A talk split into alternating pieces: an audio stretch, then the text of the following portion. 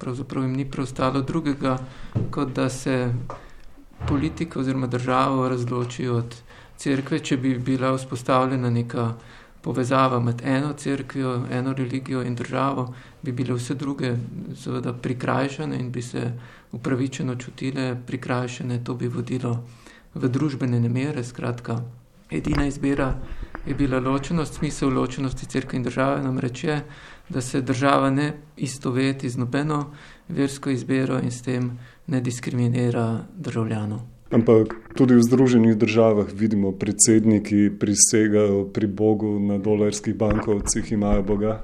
Te zadeve niso nikjer čiste in ti boji niso nikoli do konca izbojevani. Tudi meščanske revolucije, kolikor so uvedle ločenost crkve in države, te ureditve večinoma niso bile povsem čiste, še vedno so bile zaznamovane z kakšnim dejstvom prevladujoče večinske crkve, z ostanki razmer konfesionalnosti, teda tako, da se je treba vedno znova boriti za tisto, kar menimo, da je prav. Zakaj pa je to prav? Zakaj morajo biti verske skupnosti ločene od države? Če niso ločene, če obstaja neka državna crkva, to pomeni, da so vsi, ki niso pripadniki te crkve, diskriminirani, torej pripadniki drugih crkva, drugih religij in tisti, ki niso religiozni. In to štejemo po sodobnem pojmovanju človekovih pravic za zgrešeno in krivično. Nekatere skupine bi rade sprožile ponovno to vprašanje, ga legitimizirale, ga postavile na dnevni red. Ja, kdo in na kakšen način, z katere strani, da tako rečemo. Po eni strani imamo tiste, ki se pritožujejo, da je ločenost odveč, da je to nekaj, kar je povezano z zgodovinskim nastopom komunizma ali kaj takega. Na drugi strani imamo pa tiste, ki so nezadovoljni v tem smislu, da menijo, da stanje, kakršno je zdaj, ni v skladu z čisto ločenostjo crkve in države, potem takem bi morali zakonodajo ali kaj takega spremeniti, da bi bili pri nekem idealnem stanju. Pa so ti napadi nevarni? Torej, ko gre za slovenske razmere, ocenjujem, da niso posebej nevarni. Če pomislim na tiste struje znotraj katoliške cerkve, ki so tu najbolj bojevite, potem moram reči, da nikakor ne zastopajo celotnega katolicizma v Sloveniji.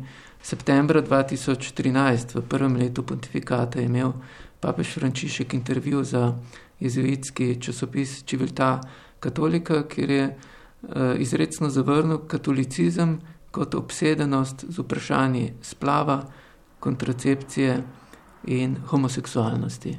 Torej, papež pravi, kolikor se bo katolicizem vedno znova vračal na dogmatičen način tem tematikam, se zna zgoditi, da se bo celotna moralna struktura cerkve sesula kot hišica iz kart. Poziva k temu, da bi se o teh temah, ukolikor se že razpravlja o njih, razmišljalo v kontekstu, torej tudi glede na vsakokratne razmere in dejansko tudi sam tako deluje. Ko je bil recimo na Filipinih, se je pritožil nad preštevilčnostjo prebivalstva, izrazil se je za nekatere prav žaljivo, rekel je, da pač katoličani niso zavezani temu, da se razmnožujejo kot zajci in je upravičil v nekaterih okoliščinah kontracepcijo ravno z ozirom na prenaseljenost. Ko je izbruhnil virus Zika in ko je obiskal nekatere latinoameriške države, je spet bil bolj pragmatičen, kot so nekateri naši fundamentalisti, namreč, da je kontracepcija v takih situacijah seveda opravičljiva. Prej ste omenili Združene države Amerike, tam vidimo, da je zelo močan tudi kreacionizem. Eh, tudi pri nas so te ideje, da bi v šolah morali učiti o nastanku sveta, stališča kreacionizma. Ja, torej to prav je, da te pobude nekako prihajajo tudi iz Amerike, oziroma da imajo morda celo kakšno finančno ali kakšno drugačno pomoč, ampak kot rečeno, tudi te pobude pač moramo nekako evidentirati, tisti, ki se na ta način s tem ukvarjamo, ne smemo pa biti zaradi tega preplašeni.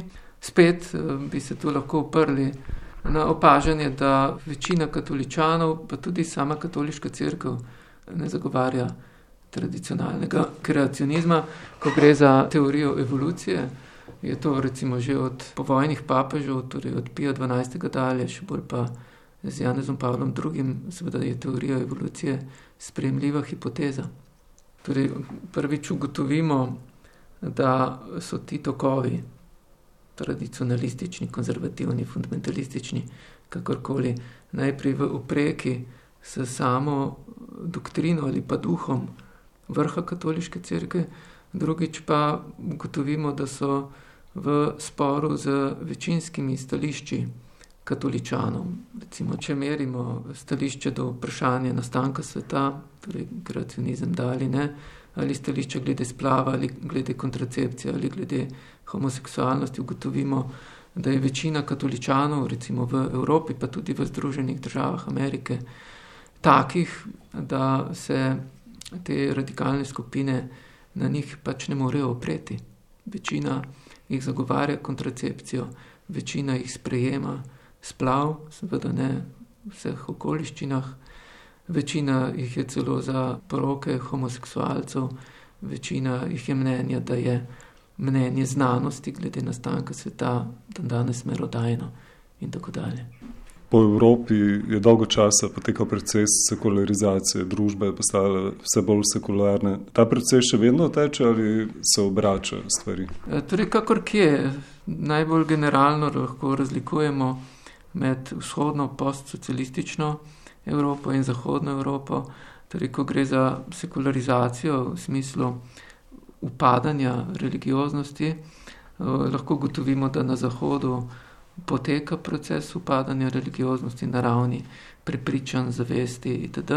V dobršnem delu postsocialistične vzhodne Evrope pa so v minulih 25 letih se odvijali nasprotni procesi, torej v večini držav so religijske statistike močno porasle in ponekod so šle v nebo, da tako rečem. Kar pa zadeva drugi vidik ali drugi pomen sekularizacije, torej ta, ki se nanaša na to, ali sta crkva in država ločeni, ali ne bi pa lahko tudi razlikovali ravno omenjeni Evropi, torej v številnih postkomunističnih državah se je vzpostavila neka privilegirana povezava med večjo oziroma tradicionalno največjo crkvijo in državo, naprimer od Hrvaške do Rusije, medtem ko se v dobršnem delu Zahodne Evrope določene vezi, ki so še nasledek eh, obdobja konfesionaliziranosti, krhajo, trgajo, primer bi bila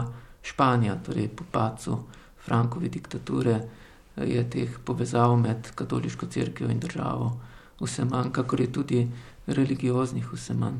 Slišimo lahko argumente, da se je treba vrniti k krščanskim koreninam Evrope v kontekstu strahu pred islamom. Ja, torej to je retorika, ki do neke mere lahko tudi uspe, kolikor bi se uh, valovi migrantov ponavljali in krepili, bi gotovo prišlo do pojava, ki mu sociologi pravimo obramba kulture.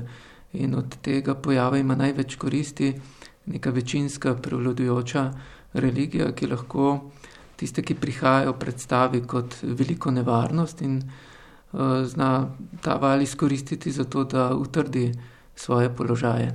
Menite, da je ločitev crkve od države v kakršnem koli konfliktu z osebno veroizpovedjo, s tem, da so pripadniki, naprimer, rimokatoliške crkve? Ja, tega se ne bi smelo videti tako.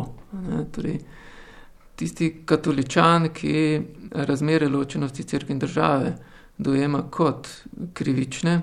Tisti je, ponavljam, v opreki, v sporu tudi z eh, tistimi pogledi, ki jih je Rimsko-katoliška crkva sprejela z drugim Vatikanskim koncilom, ko je vsaj implicitno sprejela ločenost crkve in države, avtonomijo tako imenih zemeljskih stvarnosti, torej ekonomije, politike, šolstva, kulture in tako dalje seveda kakšna crkva ali pravoslavna ali kakšna protestantska ali katoliška, ki je stoletja izkušala privilegije, torej razne ugodnosti, se strani države, s katero je bila spojena, se bo pričakovano pritoževala nad razmerami ločenosti crkve in države, če ravno so te razmere lahko tudi razmere, ki po kakšni poti koristijo. Tako da kar nekega zadovoljstva, kar tako ne moremo pričakovati. Se pravi, menite, da bo to vprašanje še naprej na dnevnem redu, vse bolj in bolj? Ja, sem prepričan, torej to je povsod na dnevnem redu, tako da je na to treba biti pozoren.